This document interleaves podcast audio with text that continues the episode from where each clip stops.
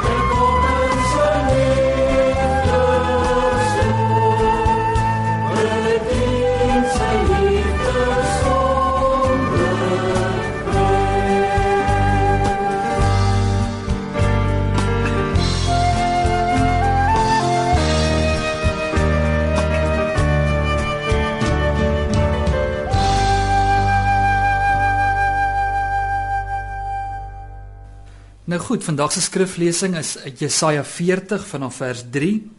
Kom ons lees dit saam. 'n Stem van een wat roep: berei in die woestyn die weg van die Here, maak gelyk in die wildernis 'n groot pad vir ons se God. Elke dal moet opgevul en elke berg en heuwel klein gemaak word en die bult moet 'n gelykte en die rotsagtige plekke 'n laagte word. En die heerlikheid van die Here sal geopenbaar word en alle vlees tesame sal dit sien want die mond van die Here het dit gespreek. 'n Stem sê roep en hy vra, "Wat moet ek roep?" Alle vlees is soos gras en al sy aanvalligheid. Dit is nou die mooiheid van die vlees, die goedheid van die mens, soos 'n blom van die veld. Die gras verdor, die blom verwelk as die asem van die Here daarin blaas. Voorwaar die volk is gras. Die gras verdor, die blom verwelk, maar die woord van ons God hou in stand in ewigheid. Dieselfde gedeelte word gekwoteer in 1 Petrus 1. 1 Petrus 1 vanaf vers 23. Want julle is wedergebore nie uit verganklike saad nie, maar uit onverganklike deur die lewende woord van God wat tot in ewigheid bly.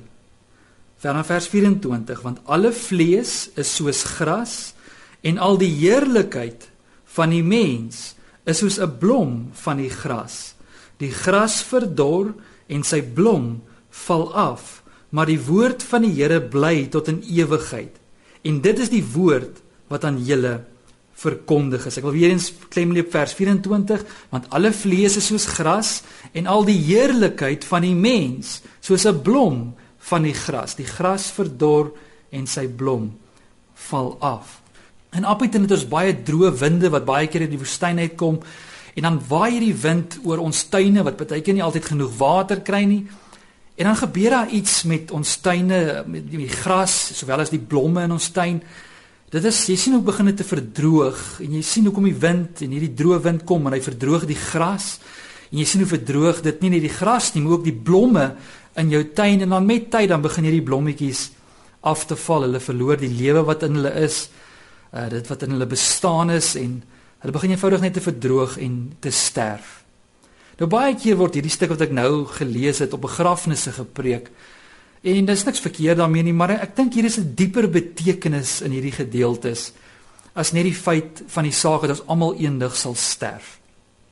Ek dink hier is 'n baie groter betekenis en dit is eenvoudig dit om plek te maak vir die vertoning van die goddelike heerlikheid van God, moet daar eers 'n verdorring plaasvind van al die heerlikheid van die mens.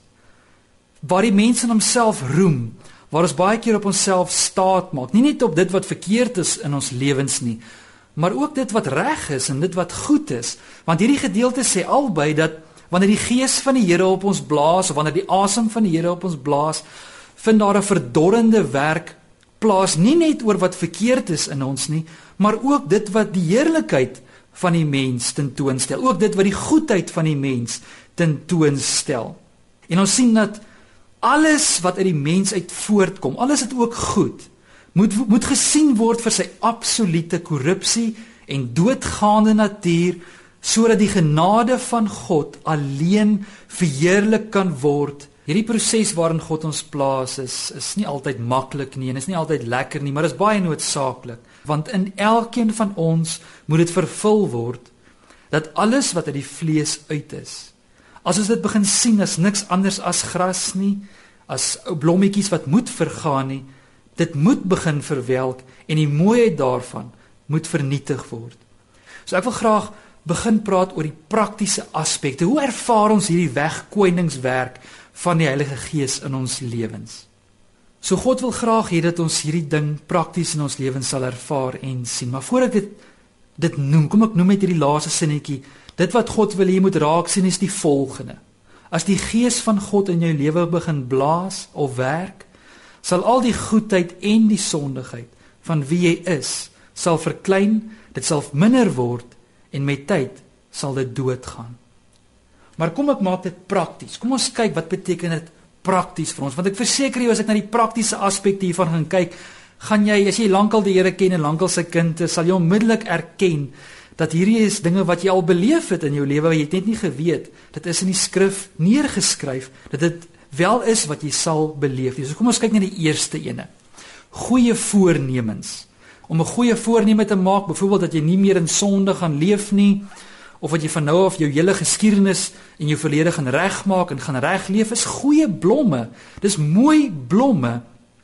Maar wie van ons het nie al ervaar dat baie keer dan sê jy vir jouself ek gaan nooit weer in my hele lewe hierdie sonde doen nie. Ek is nou klaar daarmee.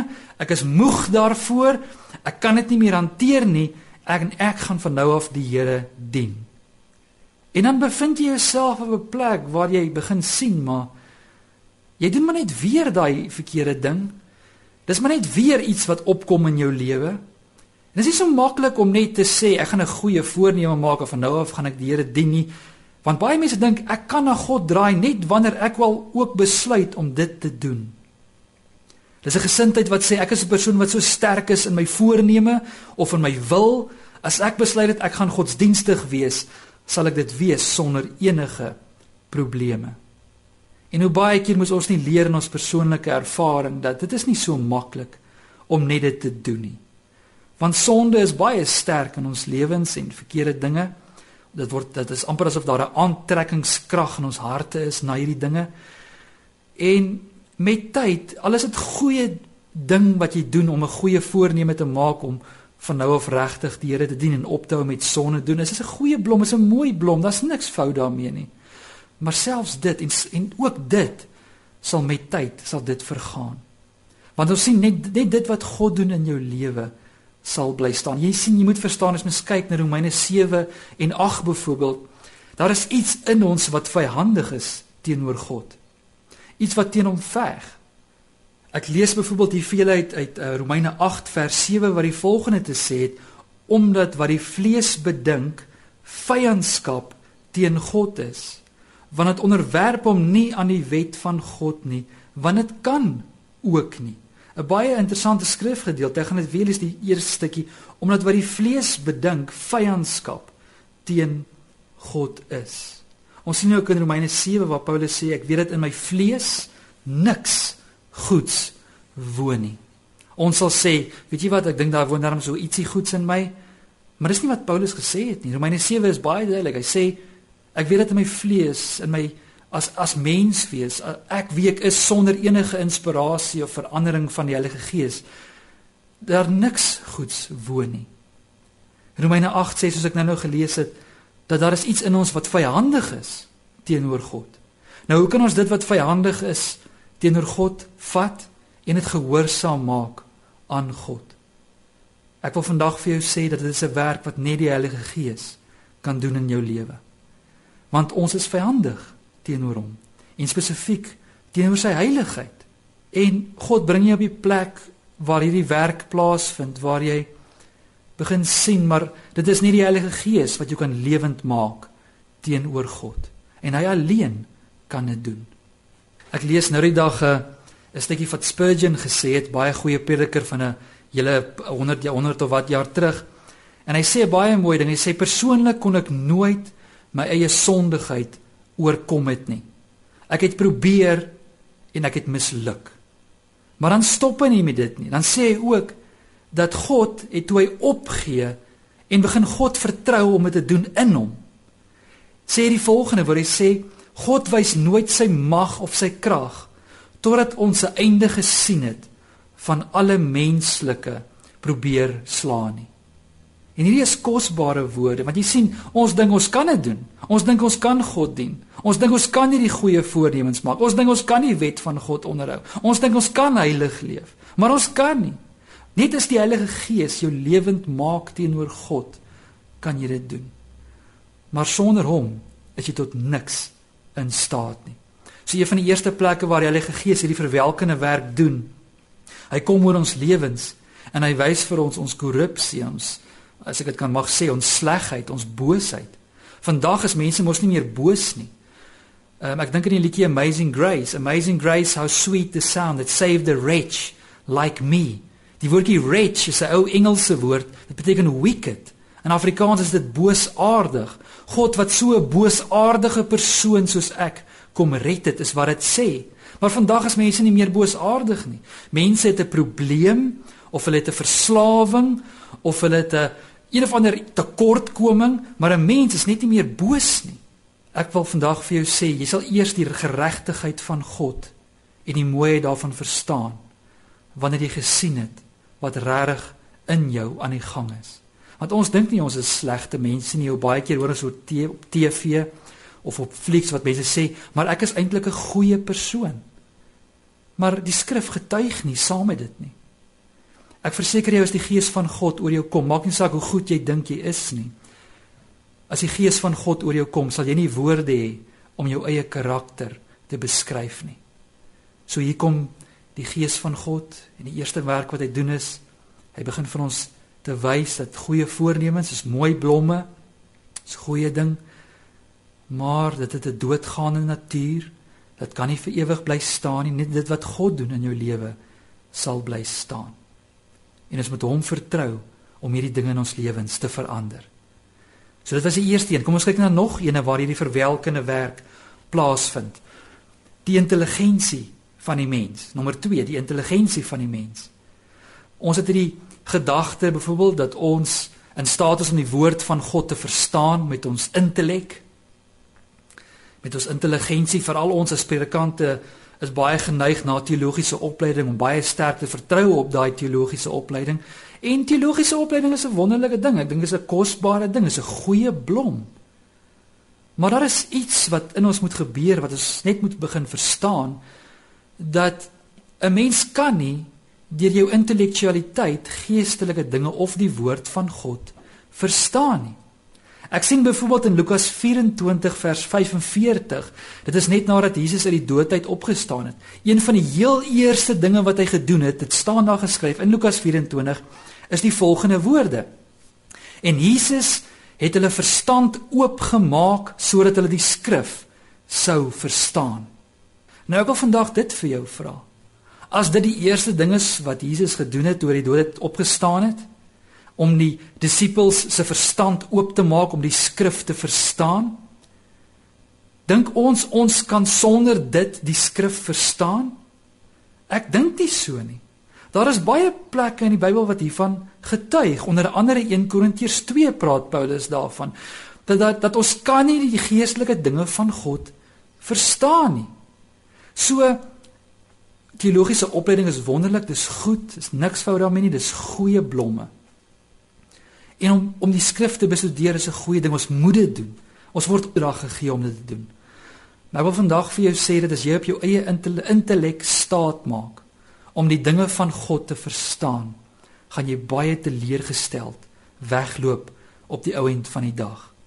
Want as God nie jou verstand oopmaak om die skrif te verstaan nie, sal jy dit nooit verstaan nie. Ek gee nie om wat jou teologiese agtergrond is nie. Ek gee nie om wat jou intellektuele vermoë is nie. Ek gee nie om wat jy dink van jou intellek nie.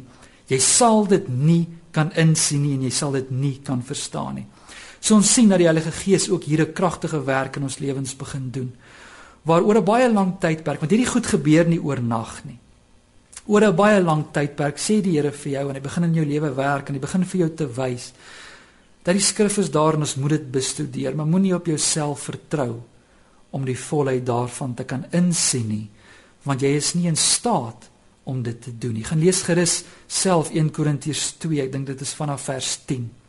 Waar Paulus van dit praat dat die fugikos, ek praat nou in die Grieks, die, die sielsmens, die die fisiese mens, die my persoon wat op sy siel vertrou, kan nie die dinge van die gees van God verstaan nie. Dit staan daar geskryf.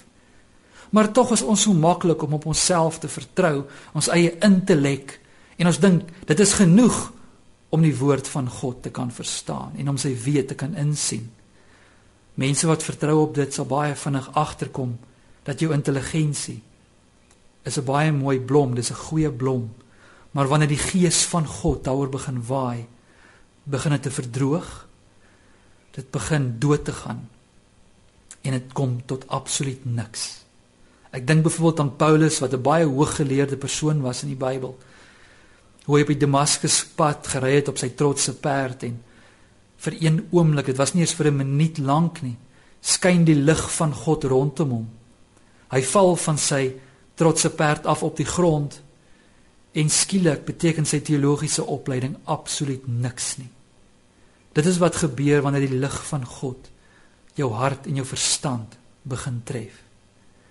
En dit is nie eens lank nie, dit was vir 'n oomblik wat God net sy lig op hom geplaas het. Hoe maklik is dit nie vir ons om te vertrou op ons intellek om die dinge van God te probeer verstaan nie. Ek wil vandag vir jou sê tot vandag toe nog as ek die skrif bestudeer, vertrou ek nie op my teologiese opleiding nie. Ek ek ek dis 'n mooi blom, dis 'n goeie blom en ek ek staan daarop en ek en ek gebruik dit tot vandag toe nog. Maar ek vertrou nie op dit nie. Want ek vertrou op die gees van God om hierdie dinge aan my te openbaar.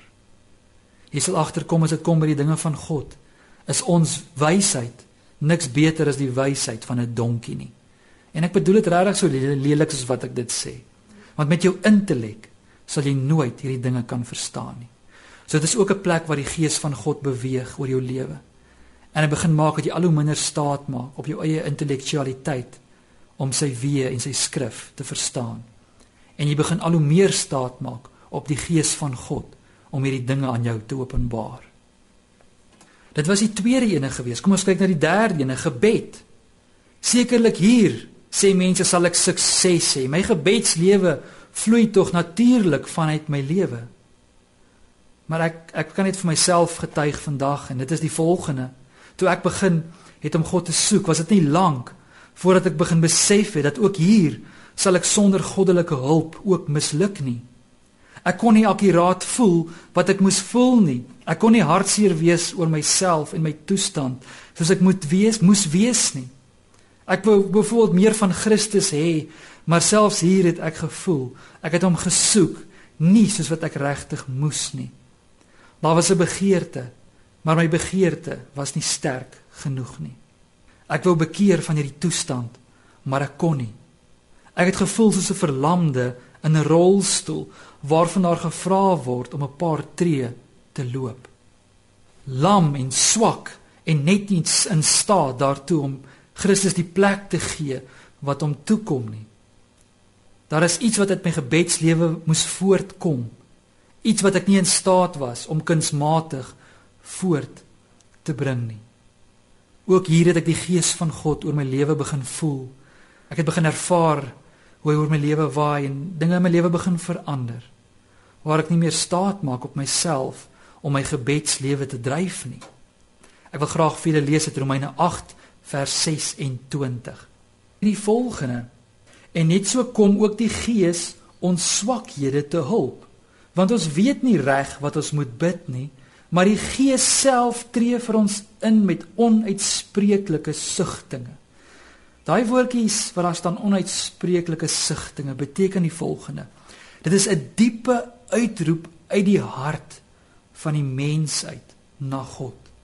So ons sien dat die Bybel leer dat ook hier in ons gebedslewe wat ons dink ons kan doen wat ons dink ons is in staat om te doen ook hier kom hy ons swakheid te hulp.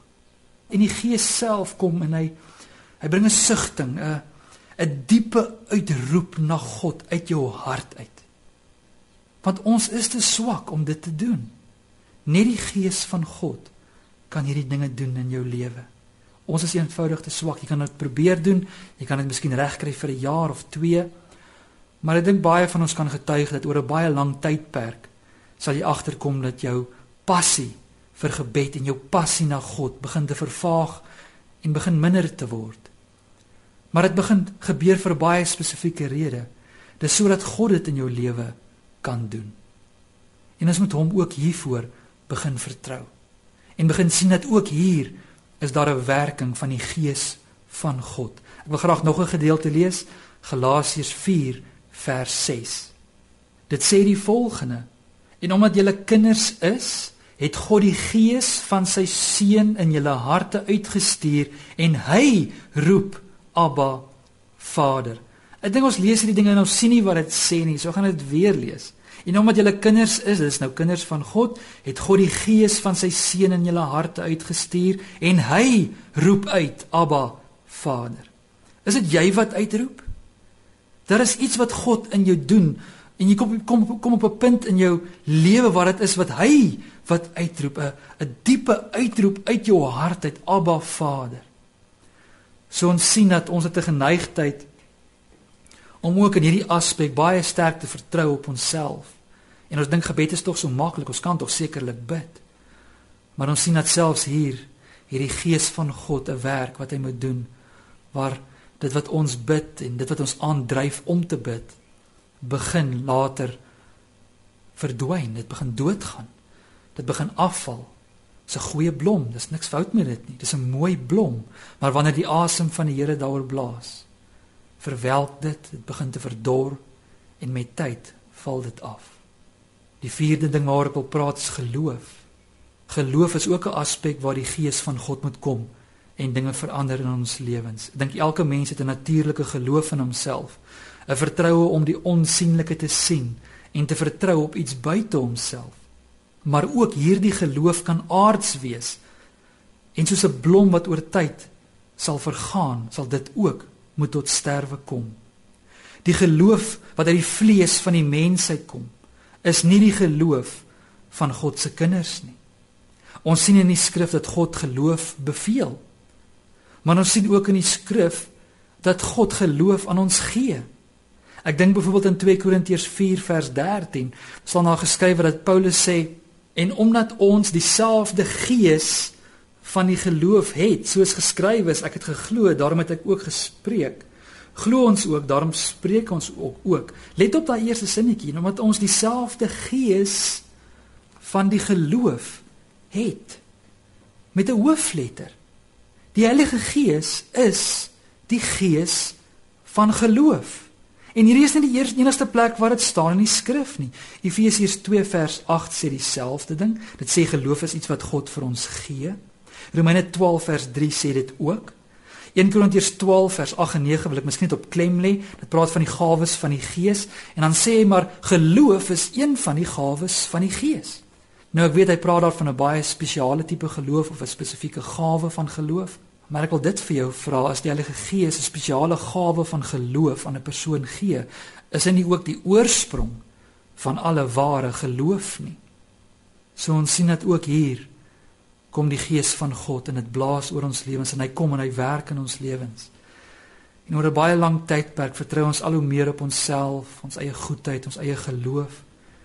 En ons begin te sien dat ook hier moet die Gees van God 'n werk doen want God beveel geloof maar hy gee ook geloof vir ons so dit is so maklik weer eens om op onsself te vertrou om op onsself staat te maak om geloof te en sterk geloof.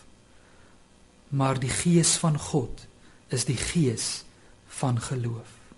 En ook hier kom die Heilige Gees en hy doen 'n werk in ons lewens en dit begin af te val die dinge waarop ons vertrou wat uit onsself uit voortkom. Begin wegval begin te verdwyn begin dood te gaan sodat dit wat God doen vir ewig sal bly staan nog 'n area waar die gees van God moet werk is oor bediening die Heilige Gees is die gewer van mense om jou te laat opgroei in jou geloof dit staan onder andere in Efesiërs 4 geskryf Maar ons weet ook dat goeie motiewe, goeie menslike motiewe het al baie mense se lewens verwoes. Ook vandag is daar mense wat in bediening staan en in kerke staan, gebore uit goeie menslike motiewe, maar nie gebore uit God nie. Ook hier sal 'n skroeiende wind van God se gees met tyd op beweeg en net dit wat God gedoen het sal bly staan en sal groei. Die laaste aspek waaroor ek wil praat is bekering en wedergeboorte. En ek wil die volgende daaroor sê, ook hier moet die Heilige Gees se werk doen. Selfs bekering wat die werk van die vlees is, sal moet van bekeer word. Want slegs die saad van die Gees sal vrug voortbring wat volmaak is. Die kinders van God word nie gebore volgens die wil of werke van die vlees van die mens nie. Ek lees graag vir julle Johannes 1 vers 13. Kom ons lees liewer vanaf vers 12. Maar almal wat hom aangeneem het, aan hulle het hy die mag gegee om kinders van God te word. Aan hulle wat in sy naam glo. Maar luister nou mooi vers 13. Wat nie uit die bloed of uit die wil van die vlees of uit die wil van 'n man nie, maar uit God gebore is. Ek gaan dit weer lees vers 13. Wat nie uit die bloed of uit die wil van die vlees of uit die wil van 'n man, mens kan dit ook vertaal of die wil van 'n mens nie, maar uit God gebore is. As die werk in ons nie die werk van die Gees is nie, maar ons eie, sal dit vervaag en droog word en later sal dit sterf. Aan die einde sal dit wees soos die gras wat vandag hier is en môre weg. En hierdie is weer eens 'n pynvolle proses. Die ou natuur van die mens kan nie op verbeter word nie. Verganklike kan nie onverganklike word nie. Mense wat maklik na Christus kom, onbewus van hulle eie slegheid, moet dit ongelukkig na hulle bekering leer. Hier sien enige selfvertroue wat ons het, sal afgebreek word totdat ons enigste vertroue lê in die suiwer en ewige krag van God se woord en die krag van God se gees alleen. Nou ek wil net miskien mense geherstel as ek hierdie vers in Johannes lees wat sê dit is net uit God uit as iemand weergebore is. Dit is nie die wil van die mens uit nie. Romeine 10 sê dat elkeen wat die naam van die Here aanroep, sal gered word. Is jy ook elkeen?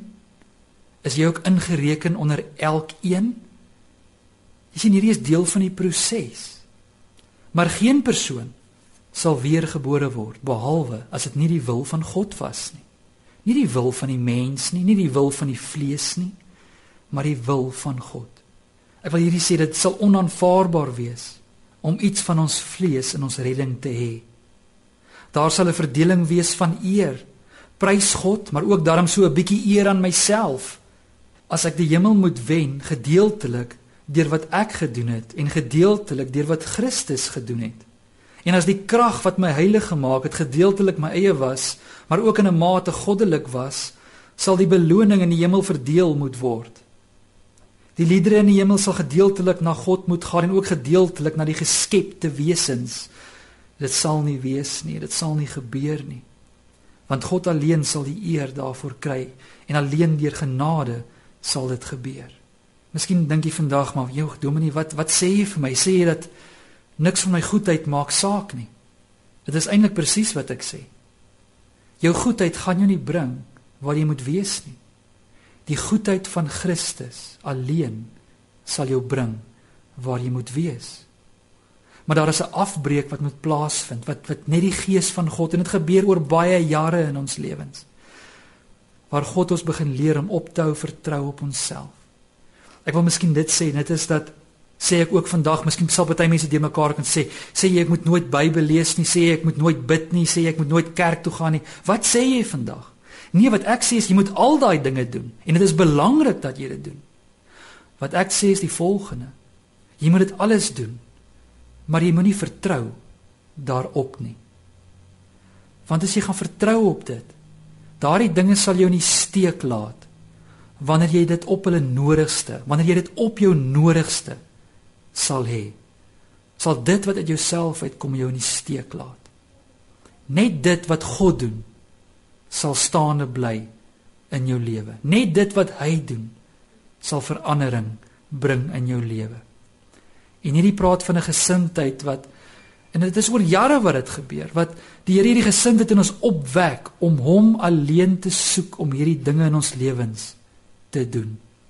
Wat ek sê dat die meeste mense wat ek ken en ook myself se begeerte na God en na sy heiligheid en geestelike dinge vervaag oor die jare. En hierdie is die verwelkende werk van die Gees van God. Hy begin hierdie dinge self doen in jou lewe. Hy raak jou begeerte. En dit vervaag nooit nie. Dit raak net sterker en groei van heerlikheid tot heerlikheid. Maar ek wil ook dit sê dat God begin eers sy mag in jou lewe wys aan die einde van menslike krag. En ek weet hierdie is 'n baie moeilike les vir ons almal om te leer. Want die gees van God blaas oor ons lewens. En net dit wat hy doen sal bly staan. Die goedheid van die mens, sy mooiheid, ook dit. Alles is mooi, alles is goed. Die heerlikheid van die mens ook dit sal vervaag en tot sterwe kom. Kom ons vat vandag hierdie woord en ons besef dat hierdie is God se woord vir ons. Kom ons bid saam. Vader, ons wil vandag vra dat U vir ons help. Dat ons sal sien dat hierdie proses waarin U ons geplaas het, almal beleef dit. Sodat ons alleen op U alleen kan vertrou. Sodat U alleen verheerlik sal word. Sodat U genade alleen in ons lewens gevestig sal word. Maar dat ons vandag onsself sal sien vir wie ons werklik is.